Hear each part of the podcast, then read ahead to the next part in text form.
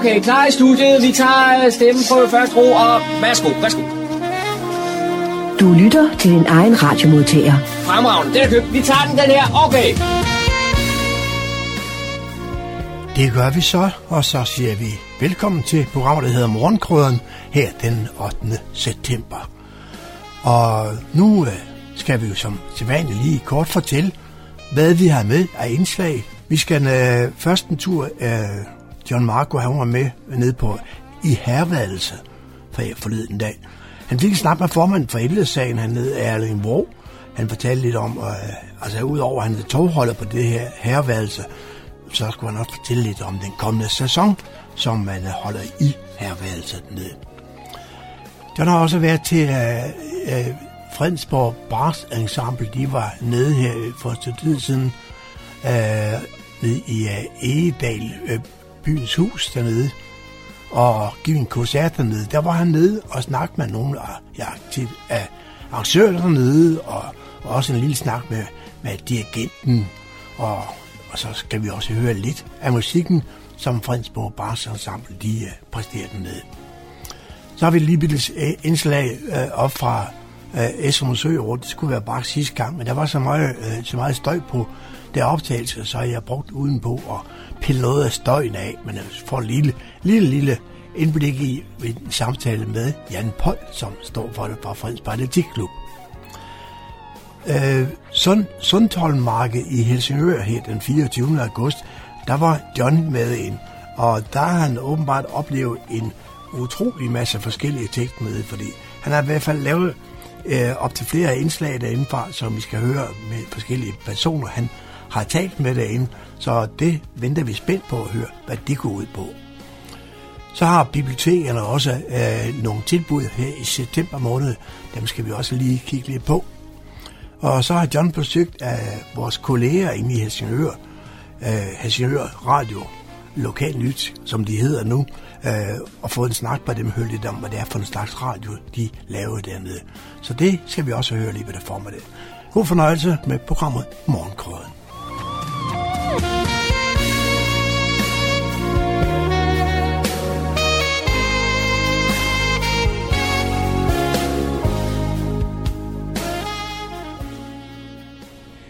Det er fredag. Det er hver anden fredag i virkeligheden, og jeg står her i byens hus i Kokkedal.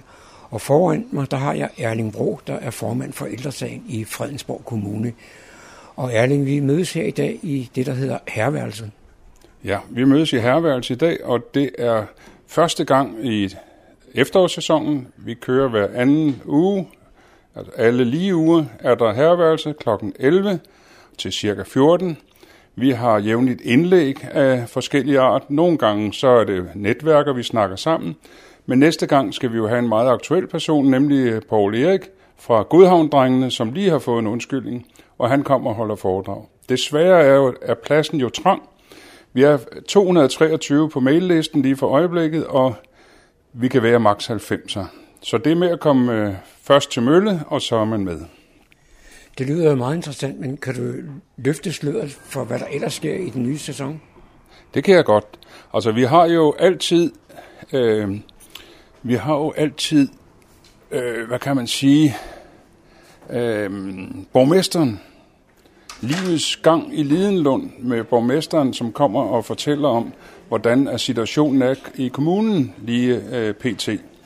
Og så har vi øh, en, som kommer og fortæller om de danske vareulve. Han har skrevet en bog ud fra en papkasse fuld med ting, han fandt på loftet.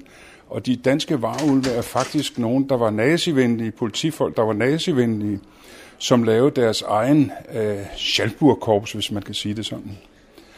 Så kommer der en, som har skrevet en bog omkring Afrika. Billedet hænger skævt, og øh, han bor faktisk i kommunen. Og øh, jamen, der kommer mange forskellige og spændende mennesker. Øhm, og så har vi vores traditionelle julefrokost. Og når borgmesteren kommer, så er det jo noget med politik. Og politik, det er noget med gule ærter og flæsk. Så det skal vi have, når han kommer den 1. november. Som jeg startede med at sige, så er det jo ældresagen, der arrangerer det her. Og hvad, hvad kræves der for at være med til det her? Og det eneste, der kræves, det er, at man kan komme på nettet Og øh, så, kan man, øh, så skal man selvfølgelig være medlem af ældresagen for at deltage. Det er gratis at komme og høre foredrag og få en kop kaffe, men hvis man vil have smørbrød, så koster det 60 kroner for to stykker smørbrød, en øl eller en vand.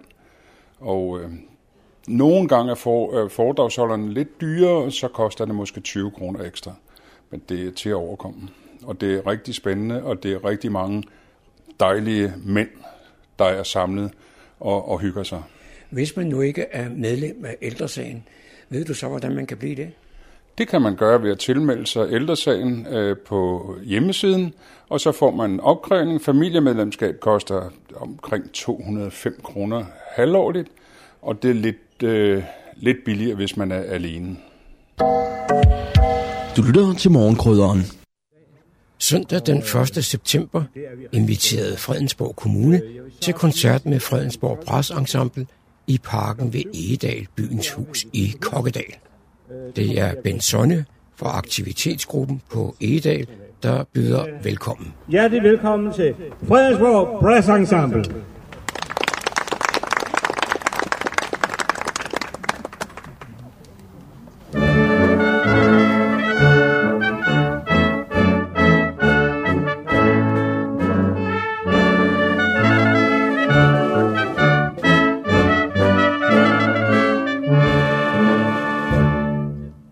Står jeg sammen med Kirsten Brandt fra aktivitetsgruppen Egedal. Og, og Kirsten, øh, hvad er det, der skal ske her i dag? Det er Fredensborg Ensemble, der skal spille. Hvor mange arrangementer har I her i Her i det her år. I år har vi tre arrangementer. Den 4. oktober kommer der Niveau Big Band eller sådan et eller andet. Og den 12. oktober, der kommer Erik Grip kl. 19 og spiller her på Egedal. Og det har været et stort ønske for mig i mange år. Fordi vi har jo haft så mange penge, når vi har dækket et helt år. Nu havde vi jo det samme øh, beløb til et halvt år. Og så vil vi prøve at få nogle unge mennesker herned også og vise nogle film for børn og sådan nogle ting. Det er, hvad der ligger på planen lige i øjeblikket. Hvor mange er I i aktivitetsgruppen? Fire, tror jeg. Fire eller fem. Mere er vi ikke. Men så er der nok at lave. Ja.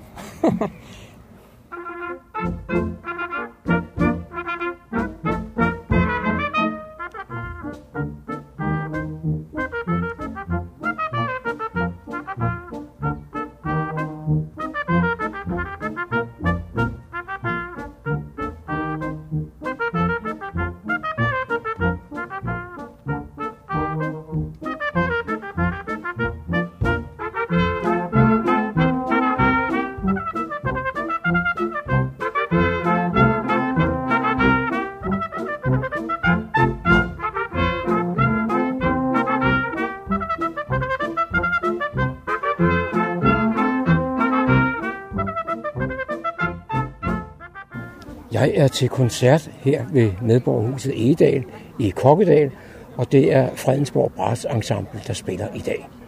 Og ved min side, der har jeg dirigenten Henrik Madsen. Henrik, kan du fortælle lidt om repertoiret? Det er underholdningsrepertoire. Det er noget, der appellerer lidt til den sidste bid af sommeren, vi er tilbage. Nu er det den 1. september i dag, øh, så vi er i princippet i efteråret. Men øh, det er musik, som alle skal kunne lytte til. Øh, måske ikke mine, mine børn vil nok ikke lytte til det som det første, men, men øh, det er underholdningsmusik fra alle hylder. Du startede her i dag med at fortælle lidt om, hvordan øh, brassbandet egentlig er opstået. Ja, det her er jo så et brassensemble, så det er et lidt mindre ensemble end et brassband. Øh, I England har man i mange år brudt kul, og øh, minearbejderne, deres lunger havde det ikke så godt, så derfor skulle de træne deres lunger. De skulle simpelthen øh, bestille et eller andet, og så skulle de aktiveres i deres fritid. Så man fandt på, at de skulle spille på messinginstrumenter, altså kornetter og horn og basun og tuba. Ikke ret meget slagtøj. Øh, og det var selvfølgelig, fordi slagtøj det trænede ikke lungerne, men så opfandt man en helt bestemt øh, Øh, orkesterbesætning, som udelukkende består af messing. Og den besætning er, er, er den, vi kalder brassband i dag. Og i England og i Danmark, det meste af Europa, der går man simpelthen til konkurrence i brassbands. Øh, det er ikke en disciplin, jeg ynder, fordi jeg synes, det er noget pjat at konkurrere i musik. Øh, men i England, der er det en meget stor sport. Det er det også nogle steder i Danmark.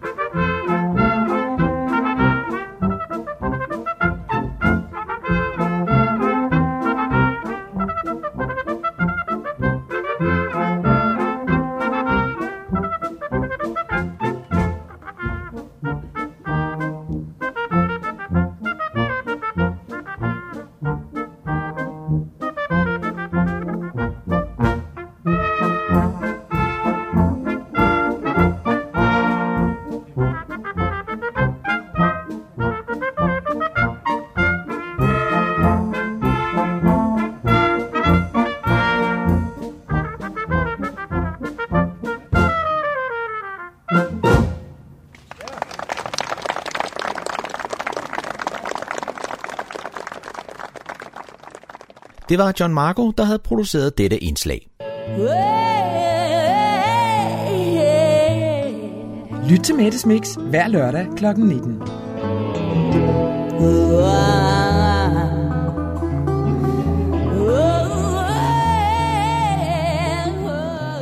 der der her snart for 14 dage siden blev afholdt Esrum rundt løbet med de rigtig mange deltagere, ja, der fik jeg lige en kort snak med øh, Jan Pold i forbindelse med løbet. Fordi vi ikke bragte det før, det var fordi, der var så meget støj omkring det. Det har vi så prøvet at se, om vi kunne fjerne noget af. Men altså, her kommer den lille snak med Jan Pold. Jan Pold, nu har du sendt en masse mennesker rundt, kan man sige, på, rundt om søen og rundt Slottsbakken. Hvor mange har der sendt afsted? Ja, vi, øh, jeg har ikke helt øh, styr på det endnu, men jeg vil tro, det er omkring 2.800, vi har sendt afsted, øh, eller vil komme til at sende afsted. Ja. Hvordan øh, vejret? Perfekt. Ja, det siger du. Altså, det er jo skønt at stå her og nyde solen og 25 grader, og det vil vi jo alle sammen gerne have, men ja. hvis man er langdistanceløber og skal løbe 27 km rundt om Esrum Sø, så må man gerne have 16, 17 eller 18 ja, grader okay. overskyet. Ja, okay. øh, og kommer der en lille smule ja. regn, så gør det heller ikke noget. Men det her, det er rigtig, rigtig varmt, og det bliver rigtig hårdt. Øh, og vi kan se, der er nogen, der har købt et startnummer på kongetappen, som ikke har hentet det, fordi de synes, det er for varmt. Ja, ja, ja. Og nu, nu er der nogle 5 km, der kommer, der kommer hjem her nu igen. Ja. Ikke også? Hvad, hvor, hvorfor nogle er, er, er, er bedst besøgt af, af, af ruterne? Jamen, vi kan se, at øh, børneruten er jo et tilløbsstykke. Ja. Det er det hvert år, og, og det vokser.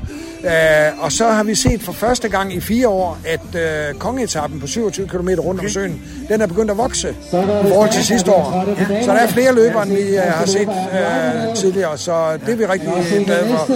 Ja. Um, og ellers tidligere har det jo været 10 km, der har vokset. Og jeg kan ikke give dig noget svar på, hvorfor det er sådan, men...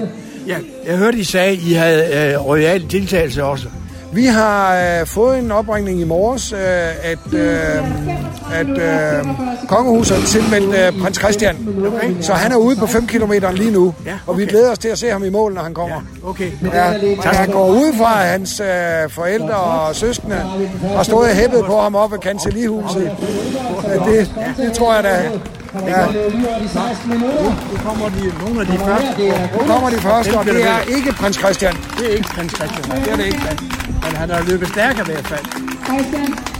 De hurtige her kommer jeg mål på en 16-17 minutter. Ja, okay. Ja. Så har vi næste, det er for blåstårløberne.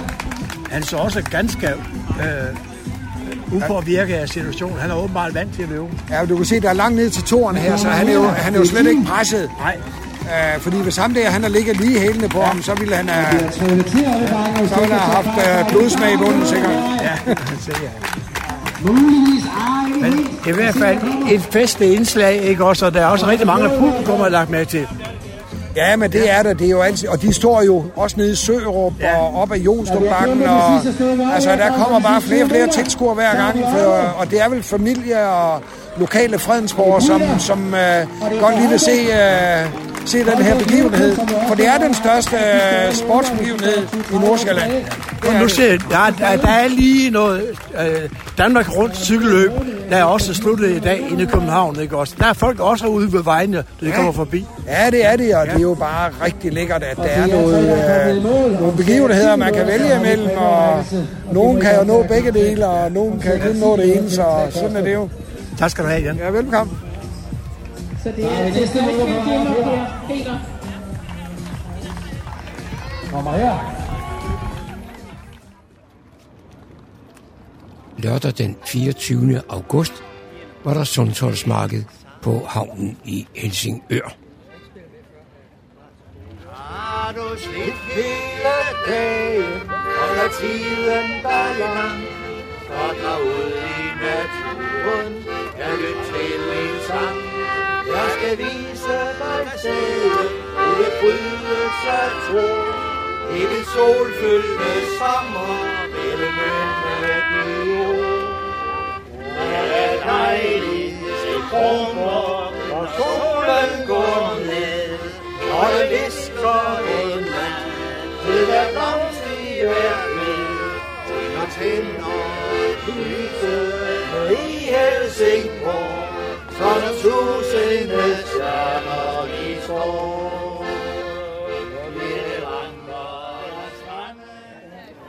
Og. Så står jeg sammen med mig, Britt Bager, der er museumsinspektør her i Helsingør, og som kurator her på denne, dette arrangement i Helsingør. Og hvad er det egentlig for et arrangement? Ja, I dag der har vi øh, Sundhedsmarked, og det er øh, sådan en dag, hvor vi sammen med 450 frivillige, så skruer vi tiden tilbage til Helsingør år 1800-1820. Og det er simpelthen en tidsmaskine, som vi er i, og som vi inviterer borgere og gæster i Helsingør til at være med til. Og nu siger du Helsingør. Jeg har på fornemmelsen, der kommer folk langvejs fra for at overvære det. Ja, det har vi også hørt. At, øh, og det er jo både, at øh, det efterhånden har spredt, spredt sig som øh, med ringe i vandet og mund-til-mund-metode, og at, men jeg har også hørt, at der er mange helsinguraner, der inviterer gæster præcis på den her dag, fordi så kan man øh, tage sine gæster med øh, på Sundsholdsmarkedet og vise øh, dem noget af byens historie. Ja, så er der også det, man kan komme ind i, i gårdene hos folk. Ja, det er vi simpelthen så glade for, det samarbejde med byens borgere.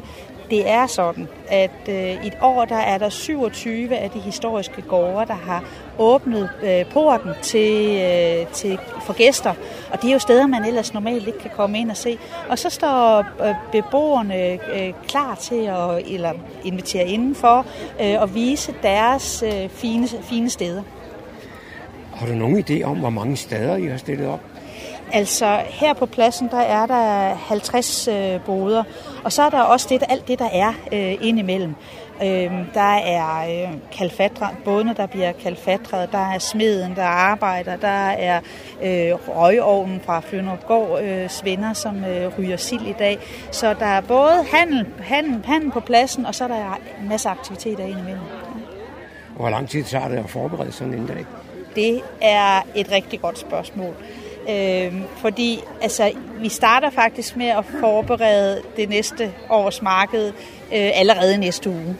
Øh, og så er der en lang, et, et, et stykke arbejde, der foregår hen over året med en gruppe af sær, øh, engagerede frivillige, som øh, hver på deres område er specialister i logistik eller i, øh, i, i hedder det, i hvad hedder det, historiske dragter og i den, altså alt det, som markedet det står for, og som forbereder sig og øh, det næste års marked.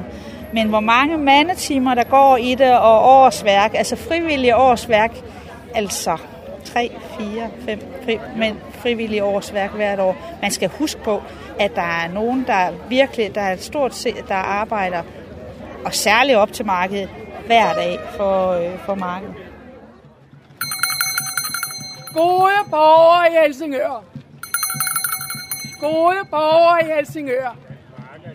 På arkeolog Appel vil fremvise sine opdagelser af Helsingørs gloværdige middelalder og indbyder enhver til et eksklusiv omvisning kl. 11. Der, som de vil deltage, skal de såre forsamle sig ved Kulturværftets hoveddør, Allégade 2. Det er denne vej. Ud af porten og lige ud. Jeg har vist ikke mere stemme.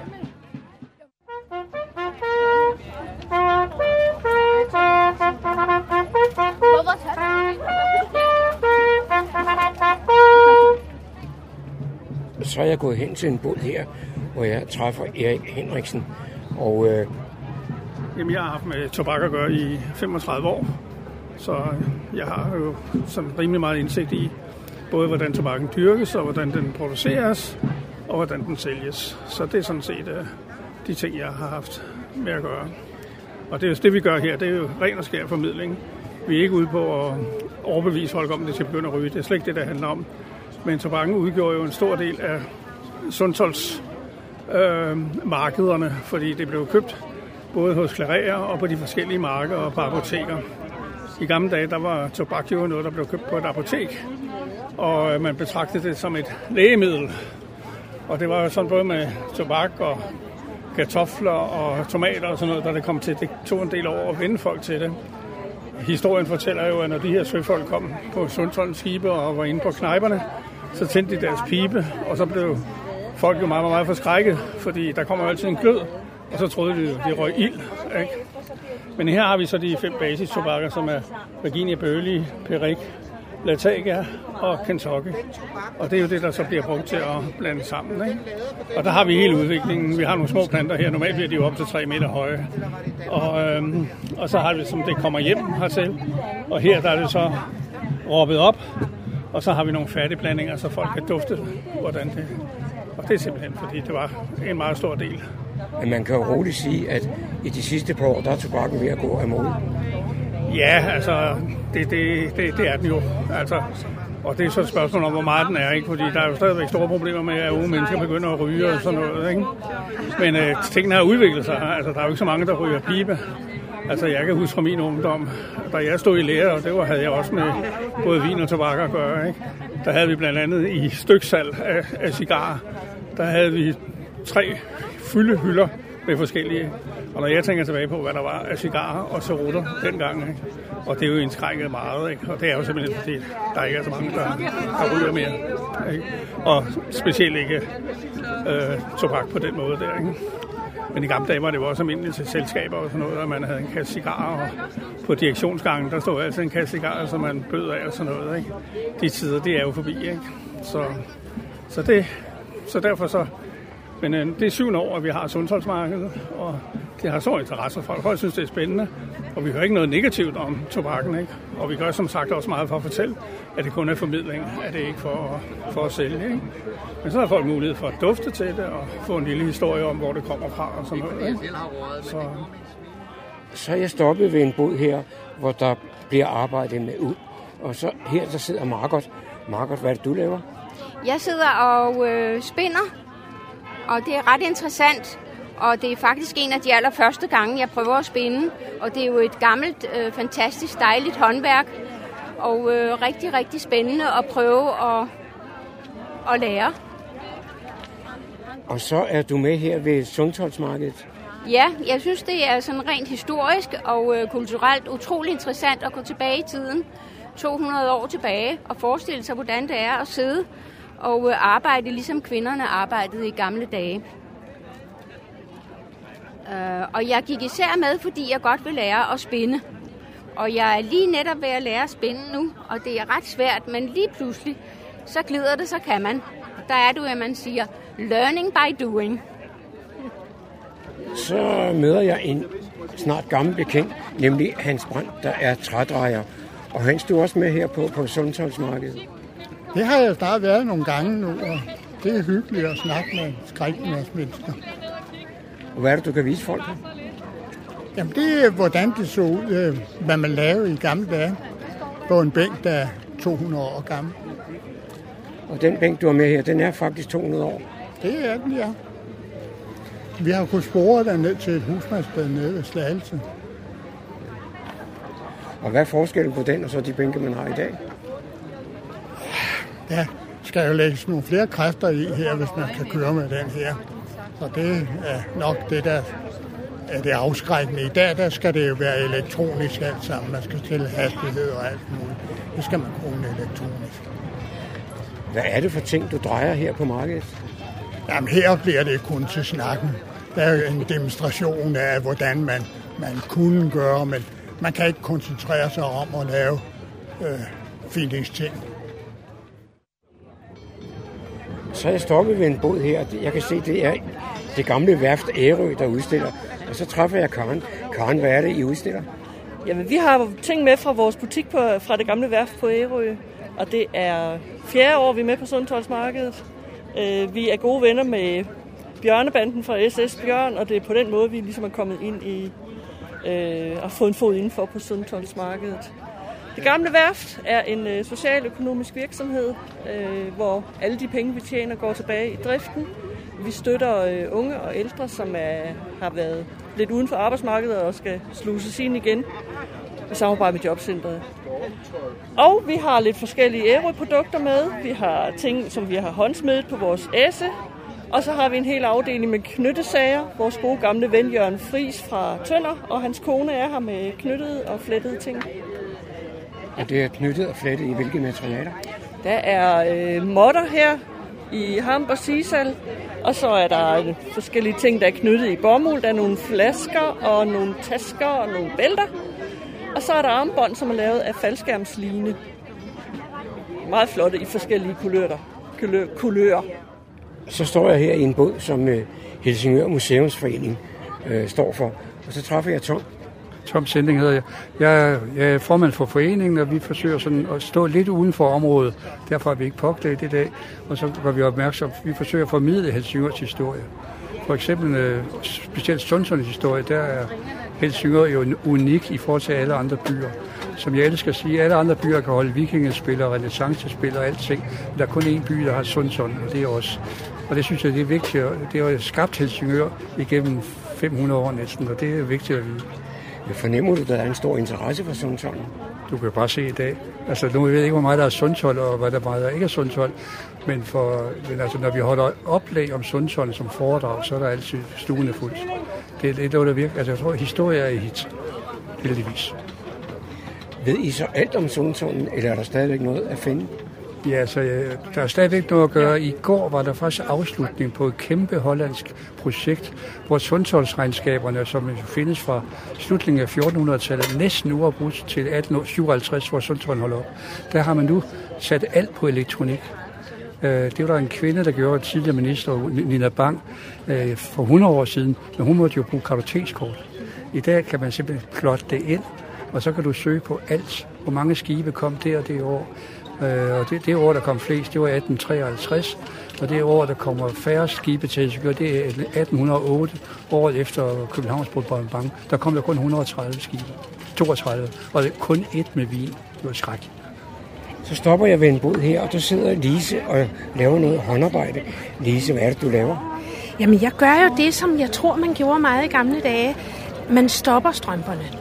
Fordi en ting er, at man er god til at strikke, men i gamle dage, der havde man jo ikke sådan noget forstærkning, så ret hurtigt kom der hul i sokkerne. Så jeg tror nærmest, at de har brugt halvdelen af tiden på at stoppe. Og det må være noget af en kunst at stoppe en sok, så den er behagelig at gå på bagefter. Det er lige præcis det, der er kunsten for knold. Det gider vi ikke at gå på. Men øh, nu har jeg talt med så mange her på turen rundt, og øh, der er mange, der siger, jamen det lærte min mormor mig også, og det lærte jeg faktisk i skolen, og jeg har selv lært det i skolen, så det var sådan en dyd. Og du håndhæver den stadigvæk, også derhjemme? Ja, det gør jeg faktisk. Jeg har nogle dejlige, øh, tynde, tynde uldsokker, som meget hurtigt bliver tyndslidte. Så hvis jeg kan nå at stoppe dem, inden der går rigtig hul, så får de jo bare et nyt liv. Så står jeg her helt ude på, på havnekajen øh, ved en lille bro, og her der er der en aktivitet, og så træffer jeg Jes. Hvad er det, I har gang i her? Vi har gang i, at øh, vi tilbyder en hel masse mennesker at komme ud og sejle i Smarke, som er de gode gamle både fra fortiden der. Øh, det koster ikke noget at få en lille sejltur, så det er jo en stor oplevelse for mennesker at komme ud på sådan en tur. Måske kan du lige fortælle øh, mikrofonen her, hvad en smarkejolle er? En smarkejolle er en båd, der er rigget med smarkesejl. Og det vil sige, at øh, det er et firkantet sejl, og så har den det, der hedder en skråstang ned, der hedder et sprydstage. Og du skal helt til øh, et par tusind år tilbage i livet. Der havde man dem nede i Sortehavet, sejlende på nogenlunde samme måde der, og ikke lige sådan der. Det er ikke selve båden, der er smarken, det er rikningen, der afgør det, hvordan den er rikket. Men øh, hvilken rolle har smarken spillet her i Nordsjælland? Den har jo været med i fiskeriet og transport og så videre. De gamle fiskere rundt omkring ved havnen, det var smejlene, øh, smakkerne, de sejlede ud i. Der havde vi jo bundgarspælene også, hvor de var ude at række øh, garnene derude i det der. Det var nogle hårde nyser dengang der, både sejl og tage garn og på ruser og hvad der ellers var der. Ja. Tak. Det var ikke noget, I kunne se. Nej, det var dejligt. Tak.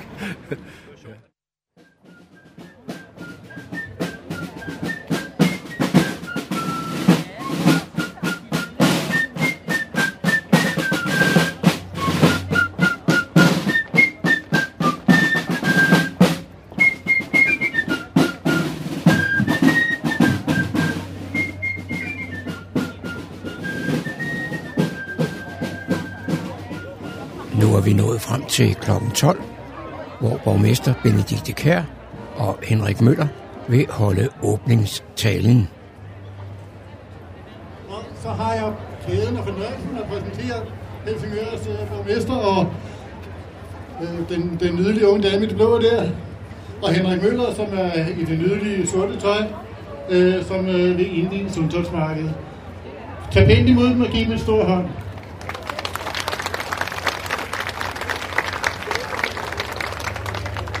Ja, den brummer altså lidt her. Skal jeg stå Okay, foran? så står vi foran. Det er noget, man ikke står bag mikrofonerne, siger Mathisen. Så brummer det. Jamen, goddag til jer alle sammen. Hvor er det dejligt, at Henrik og jeg er blevet inviteret og får lov til at deltage i Sundtoldsmarkedet anno 1819. Det er fantastisk, at øh, Helsingør for femte gang ja, kan ruste så mange ildsjæle til at sørge for det her marked. Ildsjæle, der er interesse i for byens historie og arrangerer den her rejse tilbage til. Ja, og jeg glæder mig også helt vildt over at være med igen i år. Tænk engang at få lov at bo i en by, hvor flere hundrede aktører både kan genopleve Erik Pommeren, middelalder og renaissanceby, og følge byens udvikling. Jeg går ud af åbningstalen her, fordi jeg havde problemer med at få fanget lyden ordentligt med min mikrofon. Men øh, lige efter talen blev der skudt salut fra Kronborg.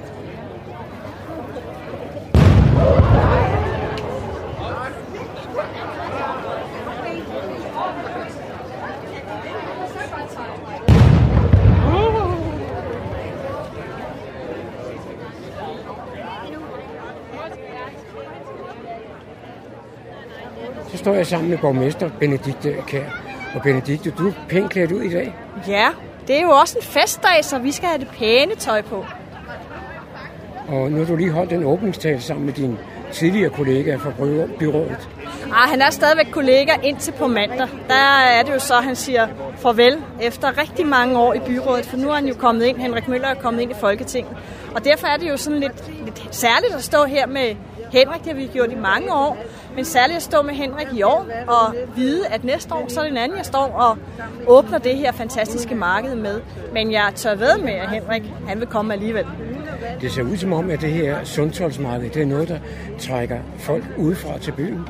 Det gør det i den grad. Nu har jeg gået hele vejen herhen, fordi øh, der er, det er umuligt at komme kørende til at finde en plads til sin bil. Så jeg gik hjemmefra og herind, og det var jo skønt at se, hvor mange mennesker, som øh, valgfarter her til det her marked. Og det kan jeg godt forstå, for det giver en rigtig god oplevelse.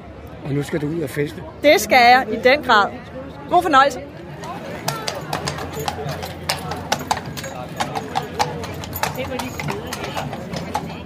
Så er jeg gået hen til smeden. Hvad er du i gang med? Vi laver lidt søm. Du siger, at du laver søm. Køber ja. man ikke dem i brusen? Jo, det kan man jo godt gøre, men altså, hvis det var fra sundhedstiden, så var der jo noget, man hentede ved smeden. Så bestilte man så og så mange, ikke? Og så laver man den ud af et stykke rundjern, ikke? Nu kan du se, nu er jeg ved at være klar til. Den har jeg spidset. Og række. Øh, hovedet på den. Der har man sådan en lærer, som man gør det i. Så lægger man den næste klar til, til den næste portion, og så skal jeg lave hovedet.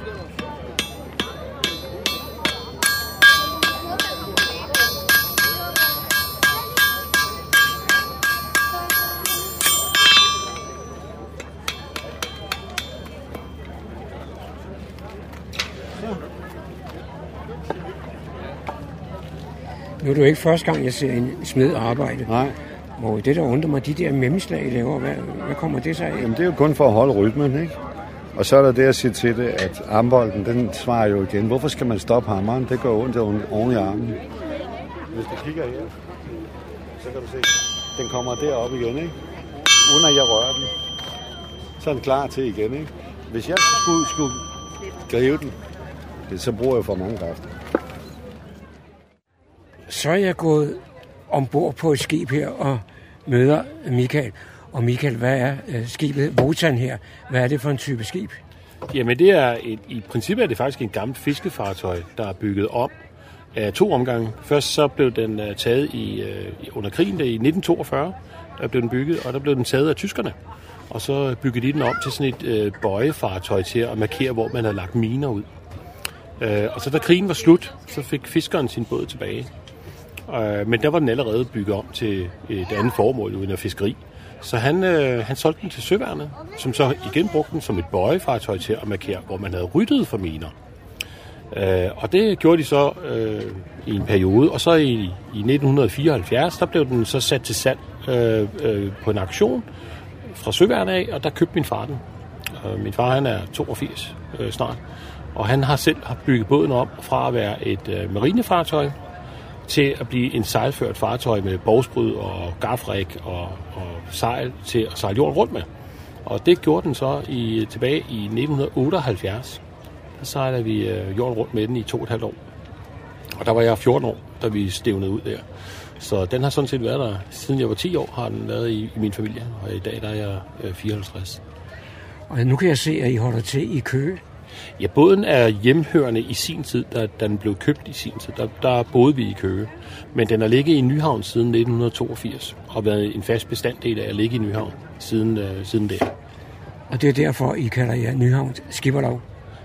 Ja, det er jo et, et, et lav af både, som har fået havnen øh, at ligge i, som man har, har lavet en aftale med, med Københavns Kommune for mange år siden om at få bevaringsværdige øh, fartøjer derind og ligge. Og så øh, ligesom pynt, kan man sige, og, øh, og, og lave noget spændende for, for turister og hvem det nu er, der kommer forbi Nyhavn. Ikke? Men øh, nu i dag, der er jo noget nord for Nyhavn. Hvorfor det? Jamen det er jo så Sundtålmarkedet her, der, hvor vi så støtter op om at komme op. Vi bliver inviteret op og, og, og lægge vores både. Og i år, der er vi ikke så forfærdeligt mange, fordi at der er nogen, der har valgt at, at lave nogle andre ting og sager der. Men øh, vi er der nogle stykker, vil jeg mærke, øh, som, så vi kan vises frem, når vi nu, øh, når der nu er det her skønne arrangement. Ikke? Så står jeg sammen med, med Ete. Og Ete, hvad, hvad er det, du har på din båd her? Jeg har forskellige planter og urter, som de kloge koner har anbefalet, når man kom med sine forskellige skavanker. Fordi på det tidspunkt, hvor, som markedet her skal få, der var der nogle år før kommet en ret skrab lov, som gjorde det nærmest øh, livsfarligt at være klog kone eller klog mand. En kvaksalverlov, fordi det, var, det havde udartet.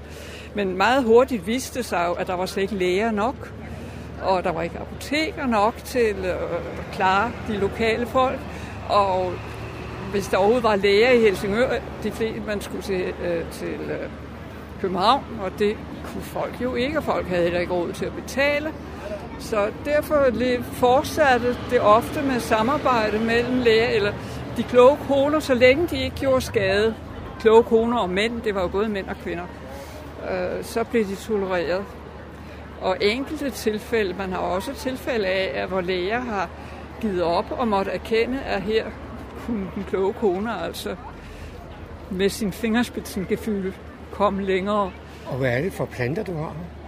Ja, jeg har lavet en buket med for sådan at få lidt overblik af brændnæller og skvallerkål, og der er porre i og regnfand og morgenfruer og mynte og løvstikke. Og, øh, nej, persille har jeg ikke i år, men der er dild og der er timian og basilikum, og jeg kan snart ikke huske det hele.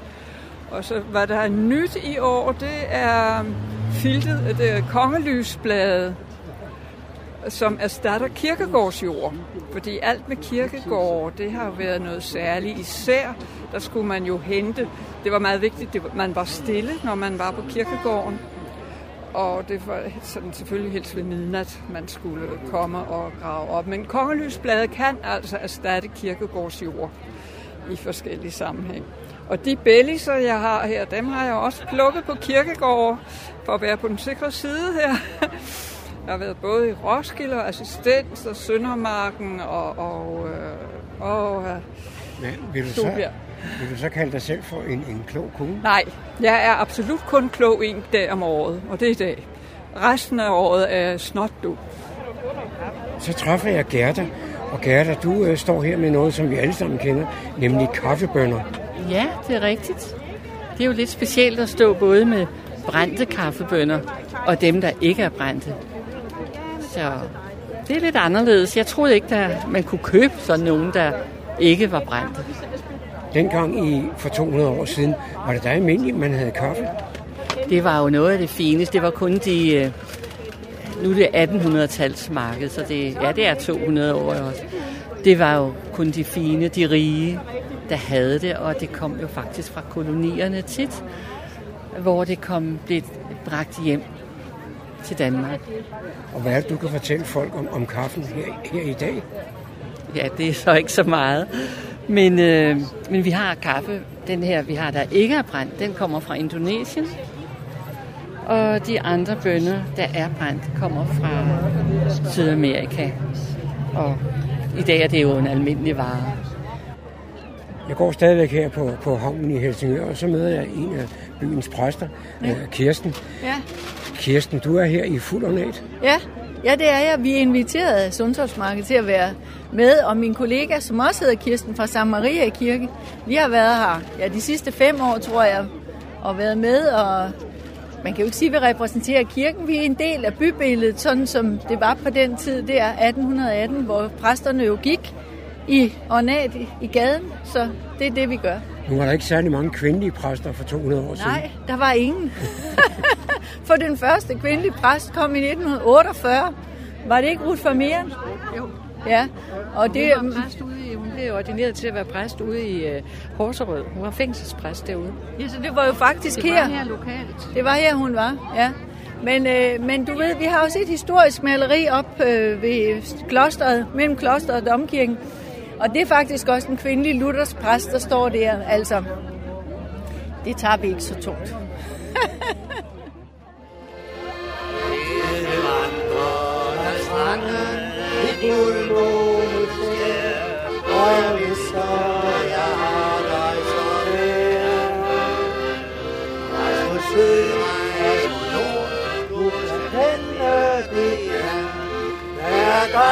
Og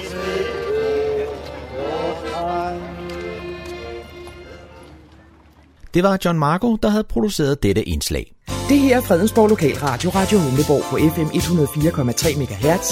Klik også ind på vores hjemmeside, www.humleborg.dk og følg med i, hvad der sker lokalt i Fredensborg og omegn.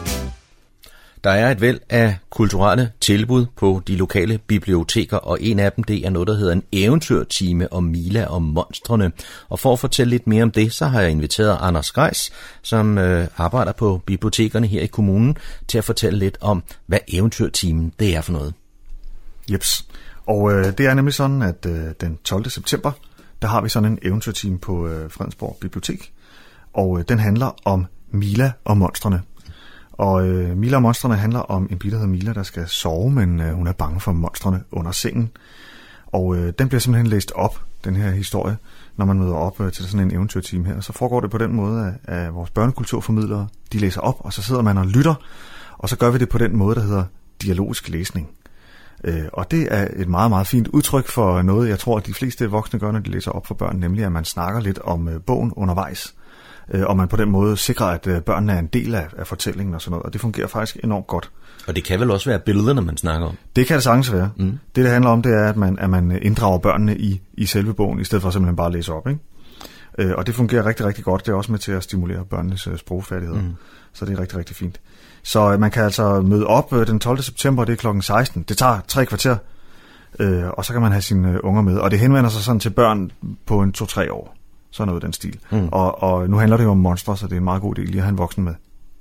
Det, er- det er det nok også, bare Ja. også for at vise vej. Ja, også for at vise vej, ikke mindst, men også for at hjælpe med, med at lige at håndtere det her med monstrene. Men vi lover, at det ikke bliver alt for uhyggeligt. Godt. Og de her eventyrtimer, det er noget, I holder sådan øh, flere gange i løbet af en, en sæson? Ja, det er sådan lidt en tilbagevendende ting, Mm. mm. øh, og, og det plejer altså at fungere rigtig godt. Det er smadret hyggeligt, der kommer rigtig mange børn og deres, øh, og deres forældre også. Så det, det er super fint. Det gælder om at holde øje med øh, på hjemmesiden, mm. hvornår den næste kommer. Ja. Men den, som vi har i, i øh, kalenderen lige nu, det er altså den 12. september kl. 16 på Fredensborg Bibliotek. Der sker også andre aktiviteter i den øh, kommende tid. Øhm, Blandt andet så skal man fejre 10 års jubilæet for Fredensborg Biblioteks håndarbejdscafé. Det skal man nemlig. Og det kan være, at vi skal starte med at fortælle, hvis nu man ikke ved, der findes en hånd- håndarbejdscafé, hvad er det så? Jamen, det er jo et sted, hvor man mødes og øh, dyrker sin fælles interesse for, øh, for øh, sådan det kreative arbejde med hænderne. Mm. Øh, hvis man har været på Fredensborg Bibliotek, så ved man, at vi har et helt område over til venstre, når man kommer ind, som er dedikeret til de her bøger, som handler om håndarbejde, forskellige ting, man kan strikke og sy og den slags. Mm. Øhm, og øh, og det, det har simpelthen stået på i 10 år, man kan mødes med min kollega Helga, som står for det, øh, og, og nørde lidt med de, her, med de her ting. Og fordi det har varet i, i 10 år, så er det sådan nu, at, øh, at vi faktisk øh, har et, et særligt arrangement den 24. september, Mm. hvor Lene Holme Samsø kommer på besøg. Og øh, hvis ikke man lige ved, hvem hun er, så er det nok, fordi man ikke øh, laver kreativt håndarbejde, fordi hun er faktisk lidt af en øh, stor kanon inden for det her felt, og hun har skrevet en hel masse rigtig fantastiske bøger om, øh, om hvordan man strikker blandt andet. Hun er Og- kagernes med det blomsterberg. Ja, det kan man, øh, det kan man godt sige. Hun er sådan ja. st- øh, strikkesvaret på, på Mette Blomsterberg. Mm. Øh, og hun er til stede den dag og fortæller selvfølgelig om sine bøger og sin måde at arbejde på. Øh, men det er faktisk også tanken, at man kan stille spørgsmål, og, og, og hun kan assistere lidt, øh, imens man prøver nogle af hendes øh, opskrifter. Mm. Så det bliver rigtig fint. Og det er altså sådan en lidt særlig markering, vi laver, fordi at det har stået på i 10 år med den her håndarbejdscafé nu, øh, som jo er om øh, mandagene på Fredensborg Bibliotek. Og hvis man er interesseret i det, så er det bare ind på vores hjemmeside øh, og finde det frem derinde. Så kan man være med til det. Og man kan også låne hendes bøger. Det kan man i hvert fald, ja. når de er hjemme. Når de... Ja, fordi der er run på Lene Holme Samsøs bøger, det kan jeg godt fortælle dig. Der er rigtig mange, der gerne vil have fingre i dem. Men ellers så kan man selvfølgelig blive skrevet op til dem. Det ja. hjælper vi gerne med. Når nu man har sådan en succes med håndarbejdscafé på Fredensborg Bibliotek, er det så noget, man kunne forestille sig, man ville udvide til nogle af de andre øh, i, i, kommunen? Der, Det- er jo, der er jo flere biblioteker. Der er nemlig flere biblioteker. Vi Mm. er jo både i Fredensborg og Niveau mm. og Humlebæk. Øh, Så det er der bestemt ikke utænkeligt, men øh, jeg tror, hvis man er interesseret i det, så skal man henvende sig på, på det bibliotek, hvor man gerne vil have det, og så kan man jo prøve at se, om man kan lobbye lidt for det. Mhm. Øh, Vi lytter rigtig gerne til, hvad folk kunne tænke sig, der skal foregå på bibliotekerne, øh, og så er det jo det mulige kunst derfra. Men det er altid en god idé, hvis man har noget, man ønsker sig, at man henvender sig til os. Vi vil rigtig gerne høre forslag. Og I har jo sådan med at lave forskellige caféer med forskellige temaer og projekter, og ja, nu er vi kommet godt ind i, øh, i efteråret, og sæsonen er allerede startet. Der øh, er tilbud om slægtsforskningscafé og IT-café og Ja. lektiecafé, og, og, og, og det ligger på nogle faste dage. Ja. Kan, kan du lige ramse lidt om, om hvad, hvad det drejer sig om? Ja, men vi har jo for eksempel den her IT-café, du nævner, øh, hvor man mm. kan få hjælp til forskellige sådan IT-problemer, man kan rende på i hverdagen. Det er Mhm. jo altså noget, man skal kunne nu for at indgå i samfundet. Og det har vi nogle øh, knaldgode frivillige, der hjælper med. Og det gør de i tirsdag eftermiddag, og det er både på Humlebæk og Niveau Bibliotek. Og er det så øh, specielt seniorer, man henvender sig til? Øh, altså alle er velkomne, Mm. men, øh, men øh, det er klart, at, øh, at der, er, en- der er nok en overvægt af seniorer, fordi at, øh, at øh, den teknologi er jo ligesom kommet øh, lidt sent ind i øh, mange Mm. ældre menneskers liv, så, så det giver da god mening, at, der, at aldersgennemsnittet ligger måske. Så det kan være lidt hjælp til, hvordan øh, NemID bruges, og hvordan man øh, er på Facebook. Og Hvordan kommer man ind i sin e-boks? Øh, Det er ja. jo super vigtigt, at man kan det. Så sådan noget kan man, øh, kan man komme om tirsdagen, tirsdag eftermiddag på Humlebæk og Niveau Bibliotek Mm. og få hjælp til. Og det er jo så et tilbud, I har på flere biblioteker. Ja, det er det nemlig. Mm. Og sådan, øh, det afhænger også lidt af nu, det her drevet af, af nogle knaldgode frivillige, som vi sætter rigtig meget pris på. Øh, og det kommer selvfølgelig også an på, hvor er de frivillige henne, og har de lyst til at ligge og køre rundt og sådan noget. Mm. Øh, så, men det er, jo, øh, det er jo virkelig noget, der kitter, kitter, kitter os sammen, at der er nogen, der har lyst til at lægge kræfter i sådan noget der. Mm. Så det er vi rigtig glade for. Ja.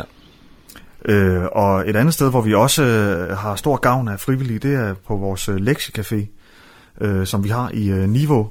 Og den er sådan set øh, startet op nu her. Øh, den følger skoleåret, så den er der, når, når der er åbent på skolerne, Mm. når den er lukket, når de har ferie. Øh, og den lektiecafé, den, er, den kan man komme til mandag, onsdag og torsdag fra kl. 14 til 17.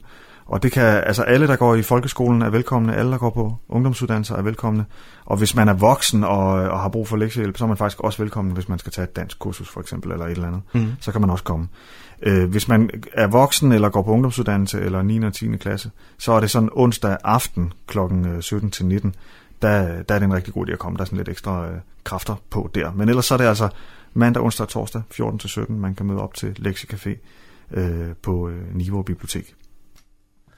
Anders, den sidste ting, som vi lige skal snakke om, øh, som foregår på bibliotekerne i den kommende tid, det er en øh, debataften med øh, Imra Rasin, hvis jeg fik sagt det rigtigt. Imran Rashid. Ja, Ja. og øh, han kommer og skal fortælle lidt om øh, moderne teknologi og vores mentale sundhed i den forbindelse. Ja.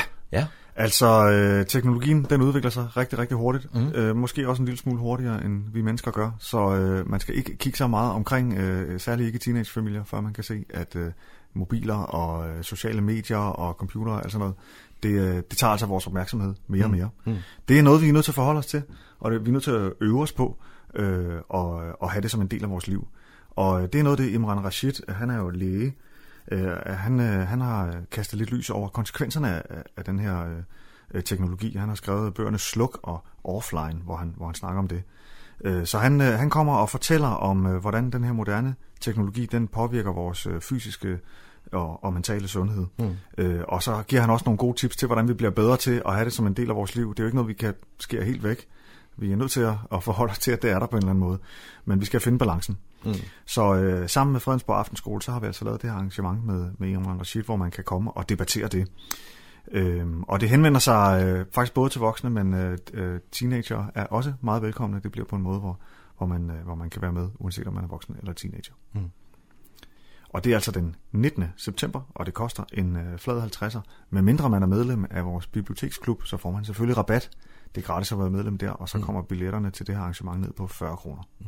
Man kan jo sige, at, at, det her med at øh, læse på en tablet, det er jo gået hen og blevet meget moderne. Man kan låne ja. e-bøger også på øh, Fredensborg Bibliotekernes hjemmeside. Ja. Men hvis man bruger det som godnatlæsning for sig selv, så Ja. kan det måske være opkvikkende for hjernen, og så Ja. falder man ikke i søvn. Det er, det er der lidt sådan øh, forskellige øh, holdninger til. Mm. Altså, der er en hel del undersøgelser, der viser, at hvis du læser skønlitteratur især, inden du går i seng, så sover du meget, meget bedre. Det er der faktisk rigtig meget evidens Mm. for. Der er ikke forsket i endnu, øh, om det også gælder skønlitteratur, som man læser på en tablet for Mm. eksempel. Så det ved vi ikke sådan øh, helt 100% sikkert endnu. Men den virkning, skønlitteratur har på os, den findes jo uanset om vi læser det på en papirside eller på en tablet. Så Mm. jeg vil mene, at selve det at læse, det er, det er altså den gode ting at gøre, inden man mm. går i Mm. seng.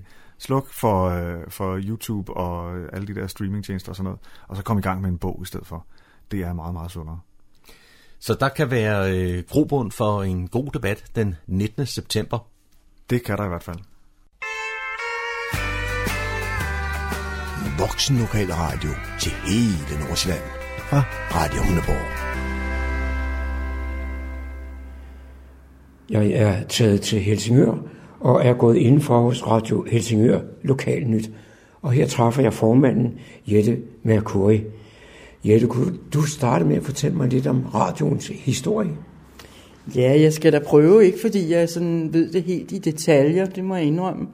Men jeg tror, at det startede en gang i 80'erne, 1980'erne, i Esbergære, nærmere Mørdrup skole, hvor der var også en ungdomsskole, der havde radio. De havde indrettet et fint studie.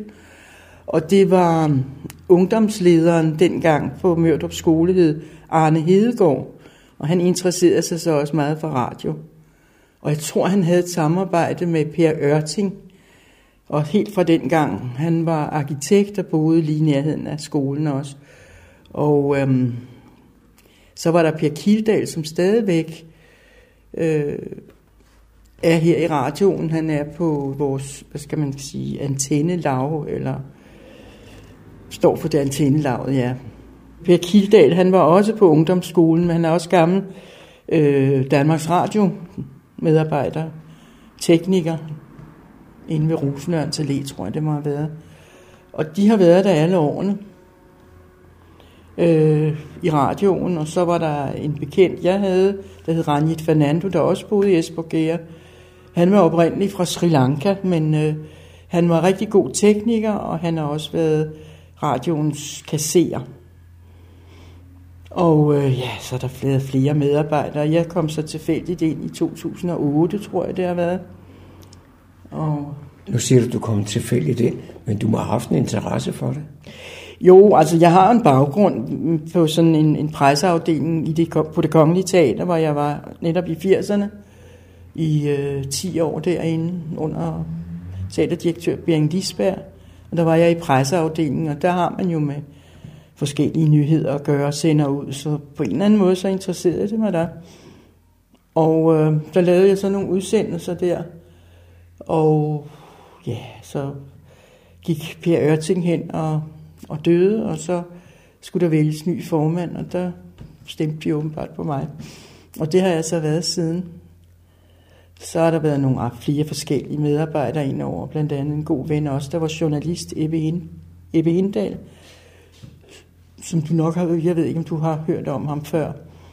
Men han er desværre også gået bort. Og nu, øh, og nu er det Flemming Vestergaard, som jeg har fået ind som tekniker, og han har lavet international radio i Berlin tidligere.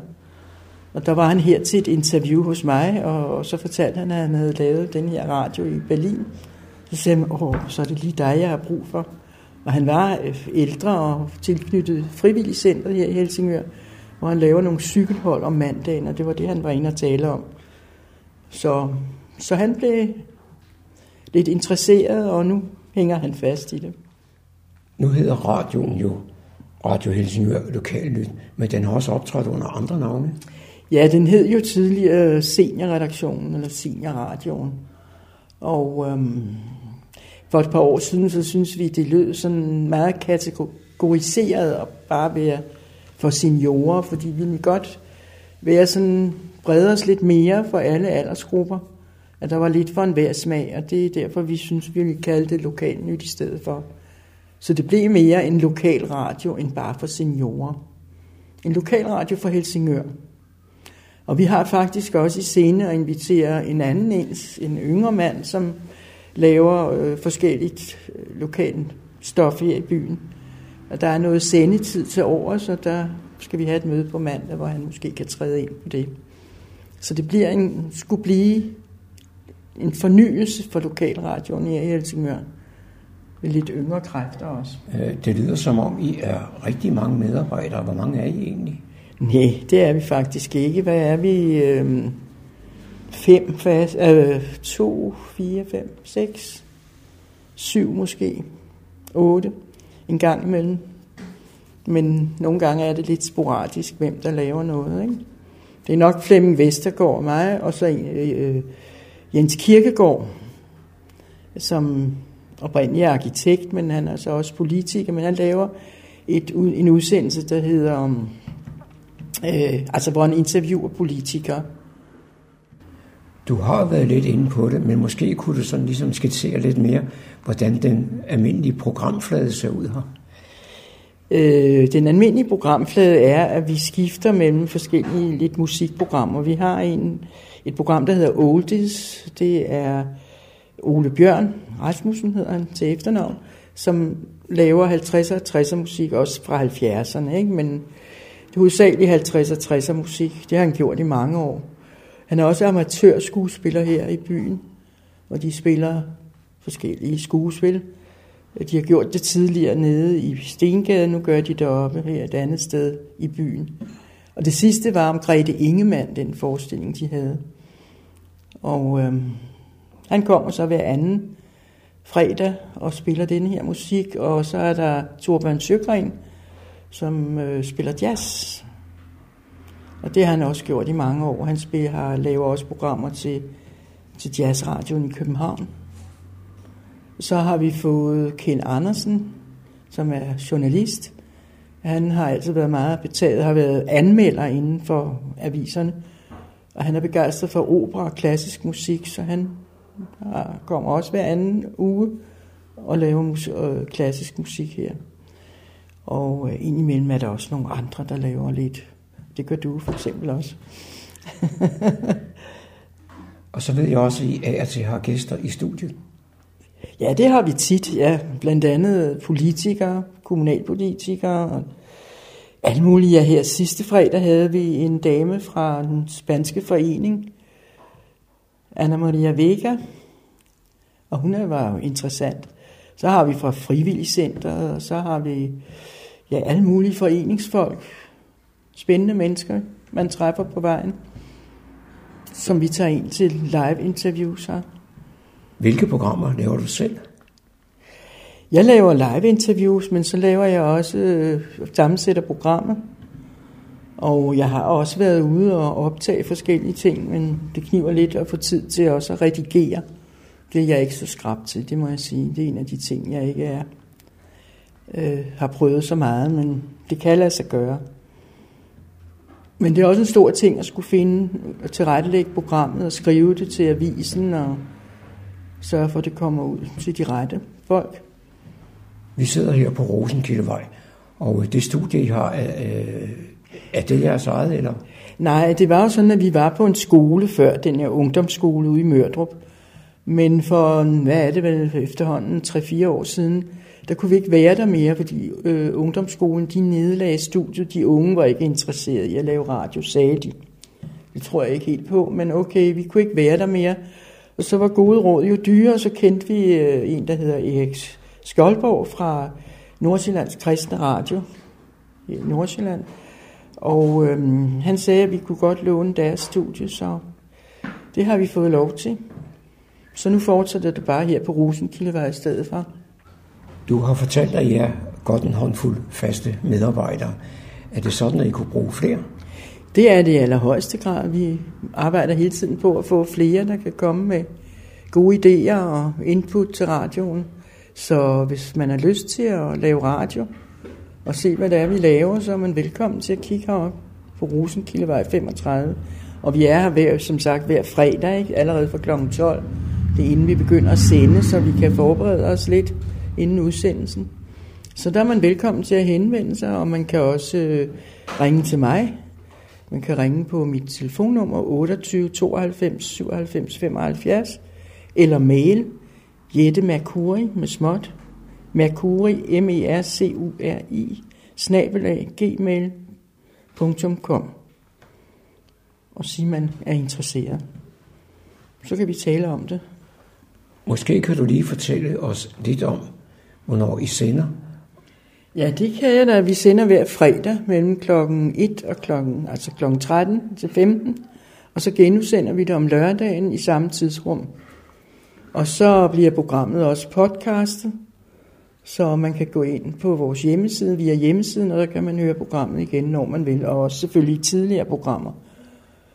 Hvis man nu vil høre jer, hvilken frekvens skal man så stille ind på? Ja, så er det FN 92,8 MHz, og på DAB Radio, ikke? Disse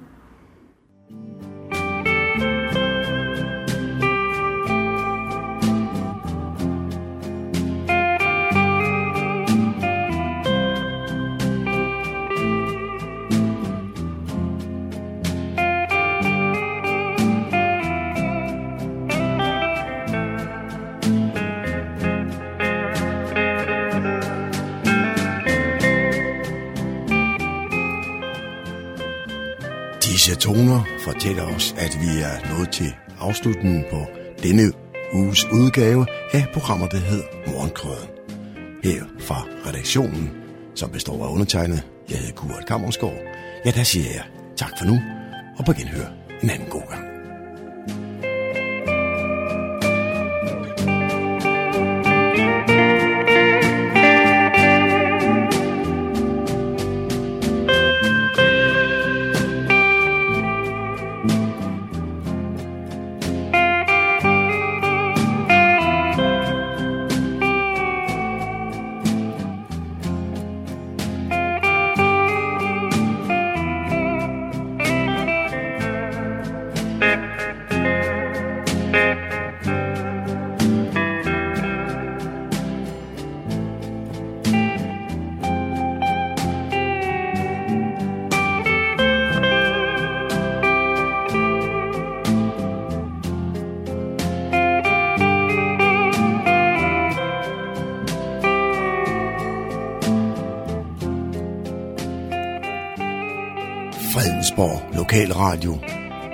Radio Humleborg, Nordsjællands